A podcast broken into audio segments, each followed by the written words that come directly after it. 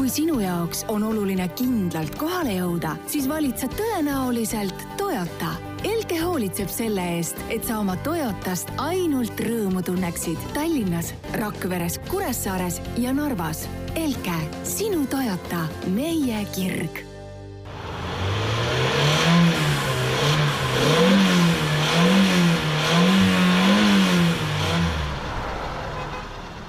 tere kõigile, eetris on taas iga kolmapäevane autopodcast Istmesoojendus ja stuudios olen mina, Jan-Mattias Mandri, ja minuga on siin Veli Rajasaar.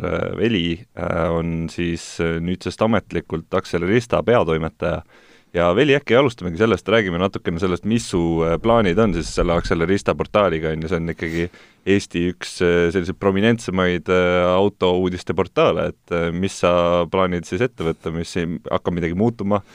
Noh, nüüd on jah, see uudis nii-öelda avalik, aga muutuma loomulikult, et äh, mul on siin mõtteid hästi palju ja selle saab väga lihtsalt äh, võtta kokku sõnadega kõike ja kohe. et äh, esialgu tahaks üldsegi kogu veebisaidi asetuse üle käia. ja lisaks sellele lisada ka uusi rubriike, et praegu mulle tundub, et Acceleristas on vähe selliseid asju, mis oleks näiteks hobiauto inimestele põnev mm. -hmm et meil on küll arvustusi, meil on igasuguseid liiklust puudutavaid äh, asju, meil on, on ju, jookseb info sisse nii Maanteeametilt kui ka PPA-lt igasuguste noh, üks tulevane uudis siin saates kas või juba, on ju.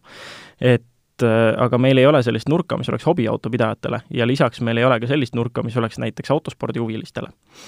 et äh, lisaks ei ole meil ka nurka näiteks äh, nendele inimestele, kes äh, tegelevad sõidusimulaatoritega. et käivad rajal ja harjutavad neid oskuseid ka kodus näiteks, et äh, mulle tundub, et kõige selle jaoks äh, on meil tegelikult ruumi küll ja turgu küll. et mina hea meelega võtaksin, hakkaksingi pihta sellest, et täiendaksin neid rubriike, tooksin mõned külalisautorid juurde ja hakkakski regulaarselt tegema siis kas intervjuusid ägedate autode omanikega, ägedate autode ehitajatega.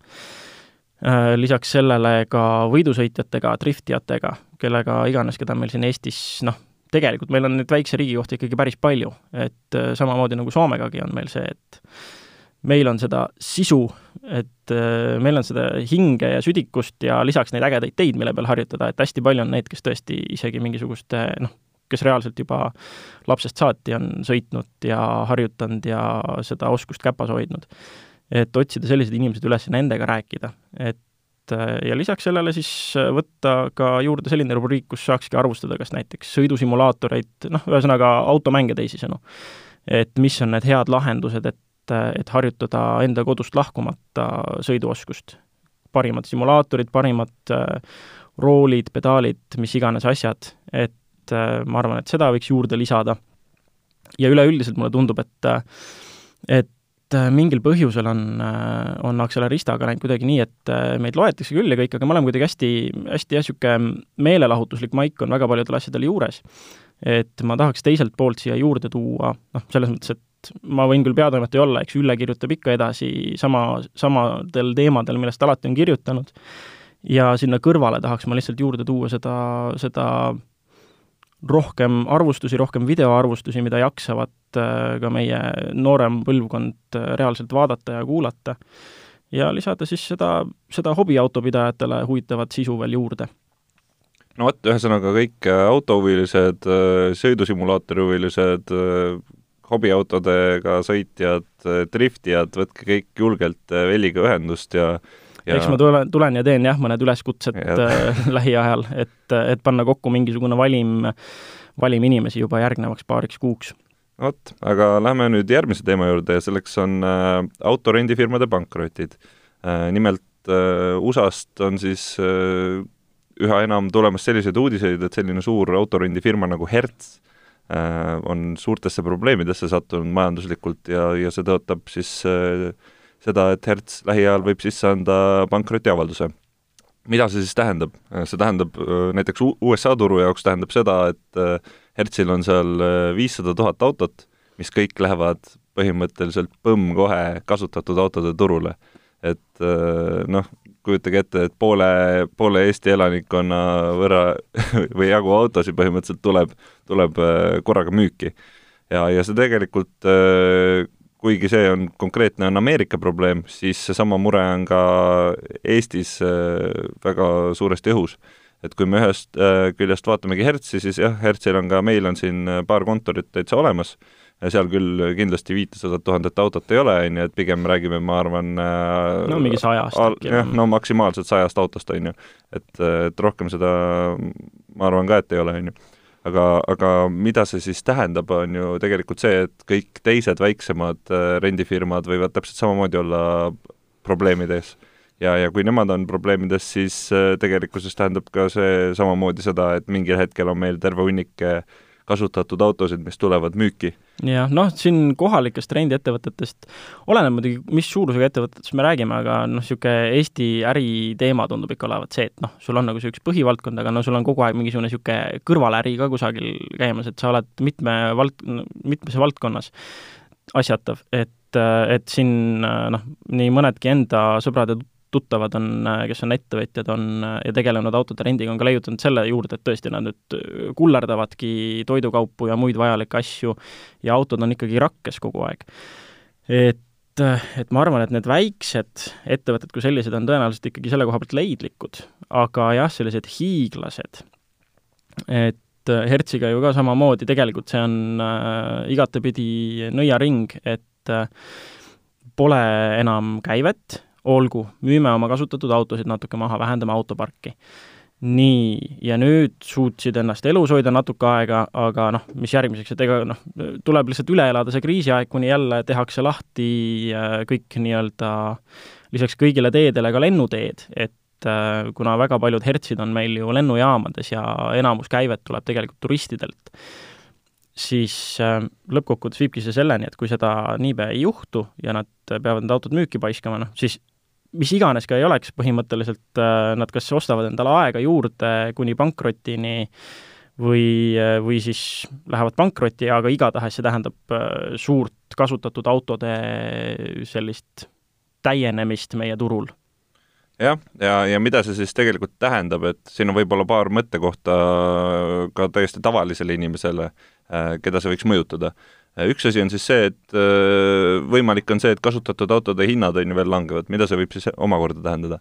see võib tähendada seda, et äh, noh, ühest küljest on kõik tore, et lähema aasta jooksul saame me ilmselt osta päris hea hinnaga kasutatud autosid. jaa, aga kui sa müüd mõnda sellist sarnast kasutatud autot veel enam, veel enam, kui sul on näiteks auto liisingus mm -hmm. ja, ja su selle liisinguperioodi jooksul auto väärtus kukub kõvasti siis äh, üks asi, mille peale siin äh, tasuks kindlasti mõelda, on näiteks selle auto liisingväärtuse kindlustamine mm. -hmm. et äh, muidu on see olukord, et kus sa teed näiteks avarii, auto kantakse maha, vaadatakse turuhinna järgi, jaa, okei okay,, selle auto hind on umbes, ma ei tea, kolmkümmend protsenti madalam kui see, mille eest sa selle tegelikult ostsid, on ju, ja sina, sina oled siis see, kes jääb seda vahet kinni maksma et äh, selles praeguses olukorras on see kindlasti nagu üks asi, mille peale tasuks mõelda. et äh, lisaks sellele, et meil on nagu odavad autod, tegelikult puudutab see ka neid inimesi, kes, kes siis äh, auto liisinud on. vot, koroona, koroona probleemidest ja automaailmast juba rääkides, siis räägime veel sellisel teemal nagu esimesed autod, mis koostööliinidelt tulema hakkavad et siin on hiljuti igalt poolt tulnud signaale, et kõik tehased hakkavad vaikselt avanema aga nende tehaste avanemisega on muidugi see probleem, et need tehased ei avane sarnaselt, nagu nad enne töötasid, et seal on kõik uued reeglid, äh, inimesi on vähem, inimeste omavaheline ruum on suurem, on ju, äh, ilmselt äh, selle tõttu ka tootmismahud vähenema, vähenevad, kõik ja see lisaks, tootmiskiirus, on ju, aeglustub ja kvaliteedikontroll mm. -hmm. ja lõppkokkuvõttes ka see, et kui sa tõesti pead nüüd töötama tingimustes, kus äh, sa oled oma nii-öelda liinikaaslasest, kõigist liinikaaslastest eemal, siis lisaks sellele jah, et neid asju ei saa teha nii kiiresti, ei ole ka seda, et äh, see ühes, ühe detaili äh, hästi nii-öelda tegemisest ei käi enam nii mitu inimest üle ja seal võivad sisse lipsata igasugused vead.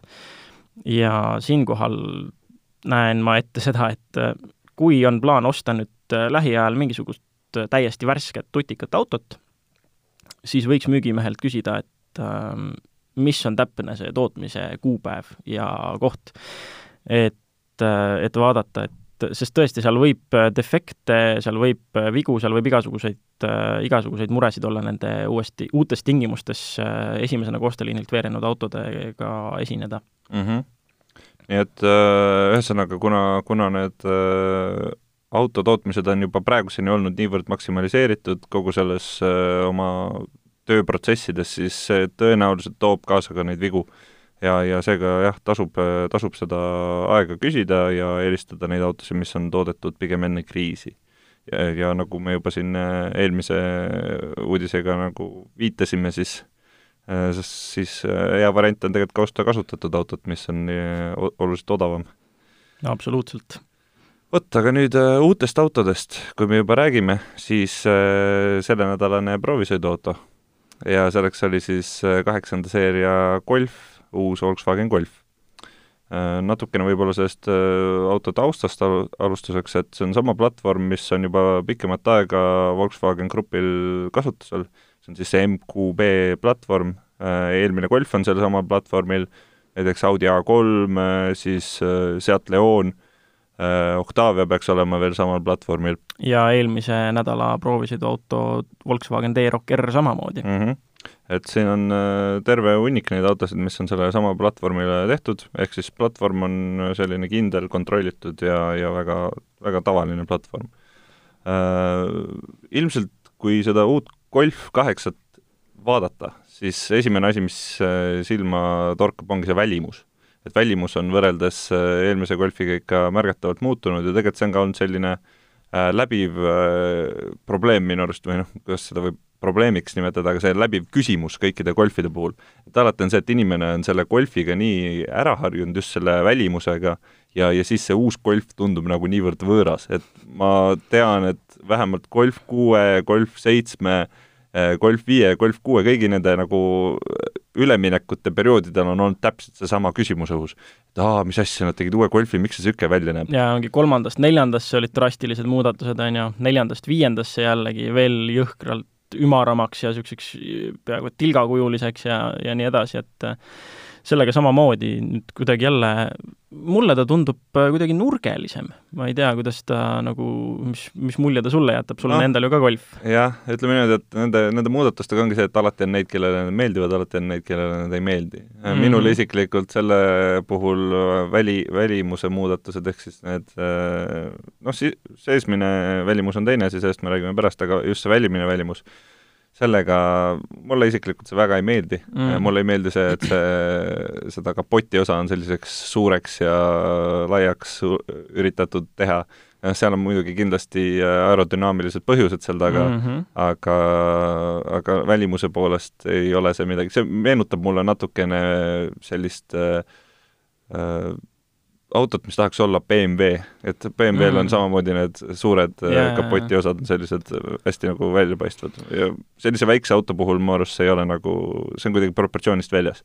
no fakt on see, et äh, mis iganes golfi põlvkonnaga ka tegu ei oleks, et ta ta on ikkagi hall hiireke, et eriti veel proovisid auto värv samamoodi, see oli mm -hmm. hall, et see, see minu jaoks, noh, ma võin põhimõtteliselt parkida ta kusagile tänavale paari, paari teise auto vahele ära käia viis minutit ära, tulla tagasi ja hakata vaatama, et kurat, kus ma ta nüüd panin. et ta on mis autoga ma üldse tulin? et ta on nagu nii äh,, nii sisse sulanduv, ta on nii hall hiireke, ta on nii tähelepandamatu, et äh, et noh, nad võivad siin välimusmuudatusi teha või mitte, aga lõppkokkuvõttes on ta ikkagi golf, ta on rahvaauto, et, et ta, ta sulandubki massi täielikult ma arvan, siin üks küsimus nüüd, mis on väga oluline küsimus, on täpselt see, kui ma juba mainisin siin enne seda sisemust, siis see on ilmselt ka kõige suurem küsimus, mis äh, tekib selle nii-öelda rahvaauto kuvandiga, et tegelikult äh, kõik põhimõtteliselt praegu seest on digitaalne, see on mm -hmm. nagu see uue Golfi, minu arust nende see äh, reklaamlause on ka mingi, midagi sarnast, mingi digita-, digitaalsusega, digitaliseerimisega seotud, mhm. on ju. et see on äh, ühest küljest on tore, teisest küljest on see ka kindlasti probleemne, et äh, see süsteem, kogu see meelelahutussüsteem, see on intuitiivne, see meenutab, äh, meenutab väga nutitelefoni kogemust, et see mm -hmm. nupp, mis on seal vasakul pool, kus sa saad tagasi. kusjuures see oligi asi, mis, kui ma esimest korda sinna golfi istusin ja hakkasin toimetama ja kõike enda käe järgi sättima, siis ma vaatasin seda suurt ekraani vaatasin, okei okay,, siin on autopilt ja nii, tore, nii, hakkasin alt otsima nuppu, tavaliselt on all mingisugune menüünupp mm. vähemasti ja vaatasin, ei ole seal midagi sellega seonduvat. vaatasin, et ei ole ka ekraani peal mingisuguseid muid asju peale selle autopildi ja siis mingi baari settings menüü, mis kõik olid äh, auto enda sõidurežiimidega seotud mm. -hmm.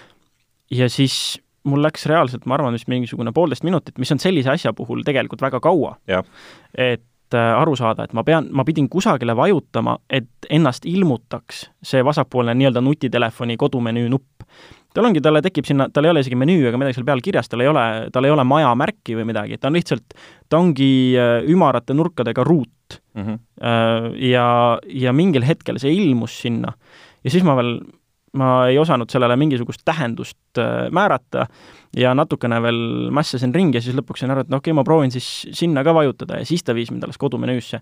et kuidagi imelik oli see, et selle, selle, see täiesti kadus ära mingites oludes ja jäingi otsima seda. et ähm, aga kui pärast seda, kui selle, selle tehtud sai, siis äh, muutus kõik nagu natukene loogilisemaks, aga aga esimene niisugune harjumine ikkagi võttis sellise seadme puhul ebatavaliselt kaua aega. ma ütleks, et see on jah, selline fifty-fifty küsimus, et ühest küljest kõik see digitaalsus on äh, väga lahe, et seal on uued standardid näiteks, mille järgi autod peaks hakkama põhimõtteliselt nagu 5G, et nad äh, hakkavad jagama mm -hmm. seda informatsiooni omavahel, mis tee peal toimub ja nii edasi. väga lahe. Äh, see, mis puudutab näiteks e-SIM-i samamoodi sul on võimalik sisuliselt ühendada oma auto ja telefon ära e-SIM-i abiga niimoodi, et mm -hmm. sul on äh,, auto on täpselt samamoodi internetis, nagu on su telefon. sul tulevad sinna kõik needsamad teated, sul tuleb kõik see, kogu seesama info liigub äh,, põhimõtteliselt äh, auto on mastiga ühenduses mm. -hmm. et, et see on kõik väga tore äh,, aga see menüüde küsimus on jah, ühest küljest ta on nagu intuitiivne, et see loogika minu jaoks ei olnud probleemne aga mis on probleemne, on see, et kui sa tahad mingit ühte konkreetset asja näppida, näiteks sa tahad kliimaseadet näppida, siis sa pead seda hakkama sealt välja kaevama kuskilt, sa tahad sõidurežiimi yeah. muuta, see on täpselt samamoodi, kõik see toimub sealt sellest, sellest suurest, suurelt ekraanilt, on ju, ja kui sa näiteks samal ajal sõidad, siis see on täiesti võimatu, et sa mm, teeksid, jah, et sa teeksid samal ajal kahte asja. ja kliimaseadmega oli mul veel oma mingisugune saaga, sest et äh, sellega oli kuidagi nii, et panin just auto käima ja siis tahtsin temperatuuri korrigeerida ja kliimaseadme mingeid täpsemaid asju mm. -hmm. ja siis mitu korda järjest juhtus see, et vajutasin kliimaseadme nupule, midagi ei toimu, ootan, ootan, ootan, midagi ei toimu, vajutan uuesti ja siis ta viskas korra kliimaseadme menüü ette ja siis kaotas selle uuesti eest ära. ja siis ma jälle ootan, okei okay,, noh, et ju ta siis alles tõmbab omal siin protsessid asju käima, et ongi aeglane, on ju. vajutasin uuesti, ootan, ootan, ootan ebareaalselt kaua ootan, ei, ei saa olla. vajutan veel korra uuesti. ja siis tuli jälle ette, kadus eest ära. et just nagu täpselt see, nagu, äh, nagu sa arvutis üritad mingit programmi lahti teha ja siis uuesti lahti tehes ta viskab selle sul alla peitu ära.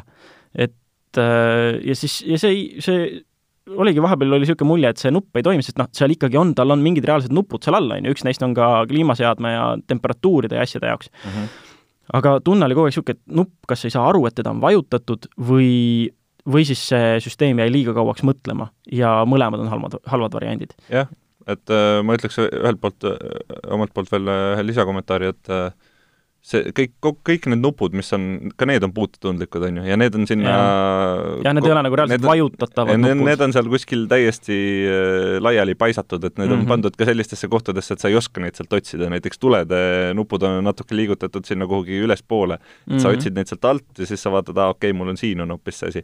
et kogu see auto vajab natukene harjumist selle poole pealt, et kuidas need asjad seal paigutatud on mm, -hmm. kuidas see kogu loogika toimib. aga äh, materjalid, ma korra tahaks teha vahelepõike mm. -hmm kui me T-Rocki puhul rääkisime sellest, et äh, viiekümne tuhande eurose auto kohta on äh, see interjööriplastikud kuidagi väga niisugused, no nad olid tõesti niisugused tühjad, klobisevad äh, ja üldse mitte ilusad, siis Golfi materjalivalik on kuidagi palju mõnusam ja parem. et mulle ei jäänud silma mingisugust midagi sellist, mis oleks silmnähtavalt oma kohast nii-öelda äh, noh, silmnähtavalt vales kohas või ei sobituks sinna, et selle koha pealt mulle see auto sisemus isegi täitsa istus. ja seda eriti arvestades, et me ei sõitnud ju tegelikult äh, täisvarustuses autoga, vaid umbes Täpselt. kuskil seal poole peal äh,. Räägime natuke mootoritest ka äh,. Ühesõnaga, mootorid põhimõtteliselt äh, jagunevad mitmesse klassi äh,, esiteks on vana aja DSi, mis on siis saadaval liitrisena ja pooleteistliitrisena vastavalt siis kuuskümmend kuus kilovatti, kaheksakümmend üks kilovatti liitri puhul ja üheksakümmend kuus kilovatti, sada kümme kilovatti ja CNG siis selle ühe koma viiese puhul Äh, siis on see mahehübriid ehk EDSI, see on see, millega me sõitsime mm. -hmm. sellel on siis äh, kaheksakümmend üks kilovatti, üheksakümmend kuus kilovatti, sada kümme kilovatti võimsused. ma ei tea, kas sa, kas sa täheldasid ka seda rekuperatsiooni või seda ei, ei täheldanud?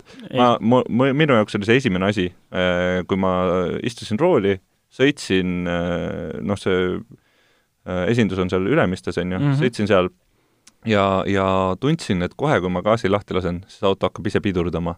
ja ma ei olnud mm -hmm. selleks ajaks veel nagu vaadanud, et kas tegemist on mingisuguse hübriidiga või, aga, aga see oli isegi, ma ütleks, see see pidurdamine sel hetkel, kui sa gaasi jala pealt ära võtsid, oli isegi tugevam, kui oli näiteks osade elektriautode puhul? võib-olla ma siis mingites, kuna ma enne sõitma hakkamist äh, näppisin need sõidurežiimid läbi ja kohaldasin endale sobiva, siis võib-olla, ma ei tea, kas see oli välja lülitatav või mitte, ma ei usu, et seda ma ei, seda ma ei usu ja ma aga ei..., aga kui keegi mulle ei oleks öelnud, et tegu on hübriidiga, siis ma ei oleks seda tõenäoliselt ka katki hammustanud sellise tavasõidu juures. no mina tundsin igatahes kohe selle ära rääkides siis veel, siis pistikhübriid äh, on veel olemas, äh, ühe koma neljane, sada viiskümmend kilovatti, sada kaheksakümmend kilovatti ja siis diisel, kahene diisel, kaheksakümmend viis kilovatti ja sada kümme kilovatti.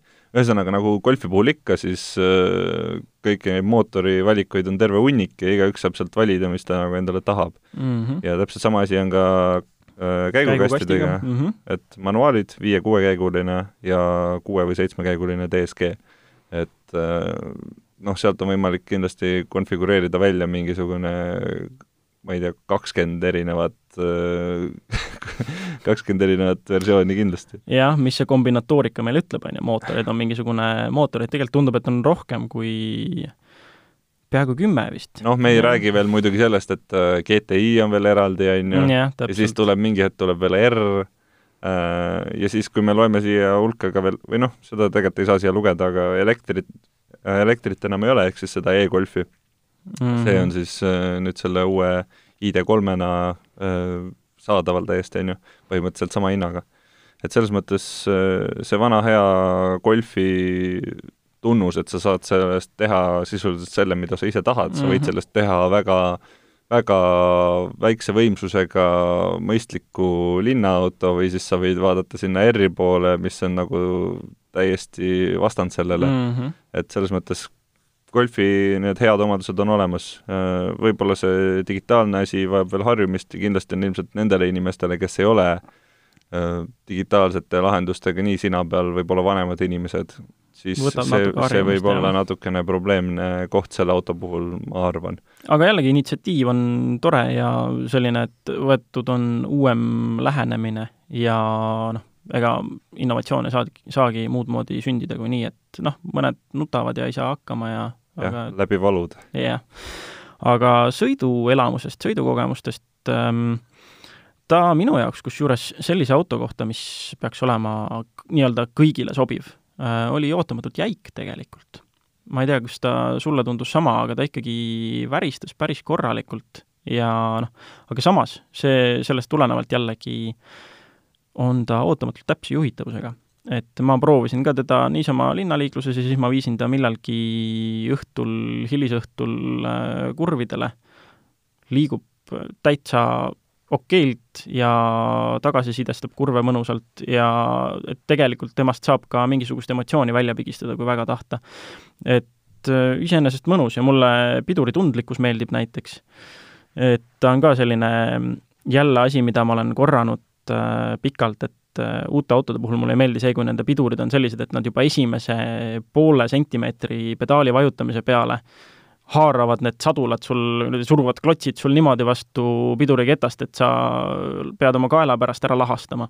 et see, see, sellised pidurid mulle ei istu ja golfil seevastu on täitsa mõnusad, pehmed, hea, hea tagasisidega pedaal, hea tunnetusega, mõnusalt pehme, et ähm, see oli üks asi, mis mulle sõidu, sõidu ja sõitmise juures meeldis ja üldiselt jah, parem juhitavus, kui ma ootasin, see on, tundub olevat nüüd moodsa, moodsa aja asi, et sellised äh, isegi esiveolised rahvaautod on äh, ootamatult täpse juhitavusega. et äh, veermikutehnoloogia on tulnud lihtsalt nii pika maa, et äh, et ongi stabiilne, vähe külgkaldumist tagasiside on mõnus ja üleüldiselt selline täitsa ergas, vilgas ja saab meelitada mingit emotsiooni välja küll, et täiesti mõnus selle koha pealt ma olen Veliga nõus, aga, aga taustaks ma pean ka ütlema nii palju, et meil oli ka sisuliselt kõige võimsama mootoriga golf, mis sealt üldse saab, on ju, võtta.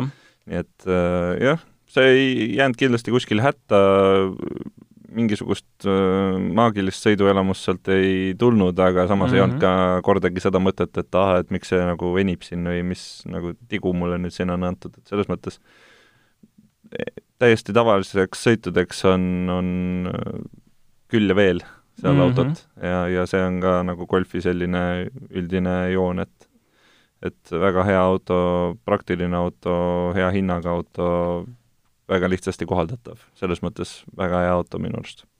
jah, nõus, igapäevaliikuriks täiesti paslik.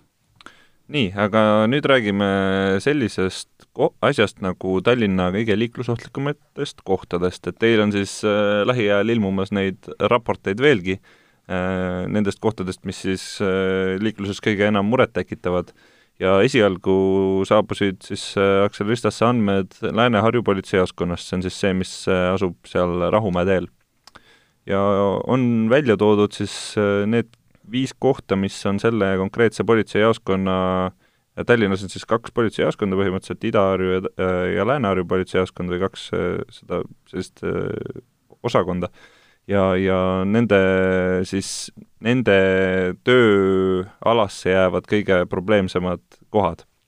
ja mis meil siin siis on? Paldiski maantee, Mustamäe tee ja Ehitajate tee vahel näiteks. siis Tammsaare tee Tondi ja Laki tänava vahel, siis Sõpruse puiestee, siis Õismäe tee üheksa, sada üks ja sada viiskümmend viis A lähedus ja, ja siis Pärnu maantee Turu platsi ja Hiiu tänava vahel ja Männiku tee ristmik et äh, noh, ilmselt igaüks, kes Tallinnas on elanud sealpool linna, on äh, liigelnud, teavad, et need on tegelikult probleemsed kohad, et kui me näiteks äh, meenutamegi sedasama Tammsaare tee Tondi ja Laki tänava vahel, on ju, seda mm -hmm. ala, siis noh, see, sellest on nagu juttu olnud ikka aastaid, et see on probleemne koht ja seal on ka tegelikult üritatud selle, selle lahendamiseks asju ära teha, on ju. kas või needsamad äh, needsamad äh, kohalduvad äh, liiklusmärgid mm -hmm. ja, mhm. ja kõik muu selline, on ju. et ja tundub, et see on tegelikult ka nagu probleemi natukene leevendanud äh,. Aga üldised probleemid, mis, mis siis nagu välja on toodud, et millest need asjad on tingitud, on loomulikult äh, tähelepanematus, fooritulede eiramine ja kõrvalised tegevused autoroolis. jah, ja tulemused, noh, peaaegu, peaaegu kõikide nende kohtade juures on kõige levinumad õnnetused siis kolmest äh, nii-öelda rubriigist on kas äh, külgkokkupõrge sõidukiga, tagantotsa sõit või kokkupõrge jalakäijaga. et need on need peamised asjad, mis juhtuvad ja need on noh, täiesti täiesti arusaadavalt on noh, külgkokkupõrge tõenäoliselt ristmikul juhtub sul siis, kui sa eirad foorituld ja mm -hmm. üritad üle lipsata ja mõni teistest on äh, agar ja üritab natuke varem minna, on ju, noh, mis iganes. Äh, kokkupõrge jalakäijaga samamoodi jällegi pigem küsimus fooritule eiramises või teele jooksmises või äh, tähelepanematuses. ja äh, tagantotsasõit on noh, peaaegu puhas tähelepanematuse küsimus. ütleme jah, et ongi tähelepanematuse küsimus, et kui me lähtume sellele nii mustvalgelt, nagu see meil ka igal, igal pool räägitud on, et tagantotsasõitja on alati süüdi, on ju siis tõenäoliselt ei saa tõesti olla midagi muud kui tähelepanematus või siis jah, okei okay,, mingisugune ootamatu situatsioon võib-olla võib ees juhtuda ja sul on äh, mis iganes hooldamata piduritega auto või midagi, noh, aga see on pigem harvem, ma arvan, et see on ikkagi ikkagi tõesti mingisugune kõrvaline tegevus, mitte, mitte sõitmisega tegelemine.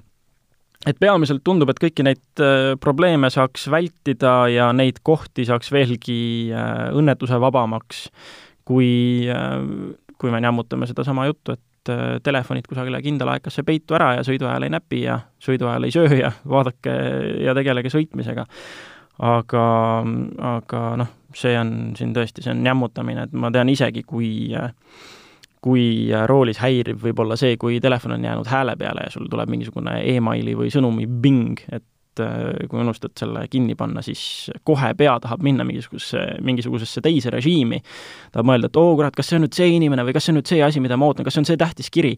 ja siis tõenäoliselt on see mingisugune täiesti F-kategooria asi, mille puhul sa võid selle rahulikult jätta sinna ja midagi ei juhtu, on ju. jah, täpselt, et äh, kui see oleks midagi, mis, äh, millest sõltuks midagi, siis äh, ma tõenäoliselt ei oleks sellel hetkel autoroolis kuskile sõitmas, vaid tegeleksin selle väga tähtsa asjaga, et äh, jällegi tuleb võtta seesama sinisilmse minu lähenemine umbes juba kümme aastat tagasi, mis oli see, et kui oled roolis, siis unustatagu kõik muud asjad, mis iganes muresid ka ei oleks, sõitmisega tuleb tegeleda. Ja see oligi noh, siiamaani on sõitmine tegelikult see minu kirik, et selle koha pealt mul on võib-olla natuke lihtsam kui kui teistel inimestel ähm, välja lülitada seda osa peast, mis tahab tegeleda muude asjadega sõitmise ajal.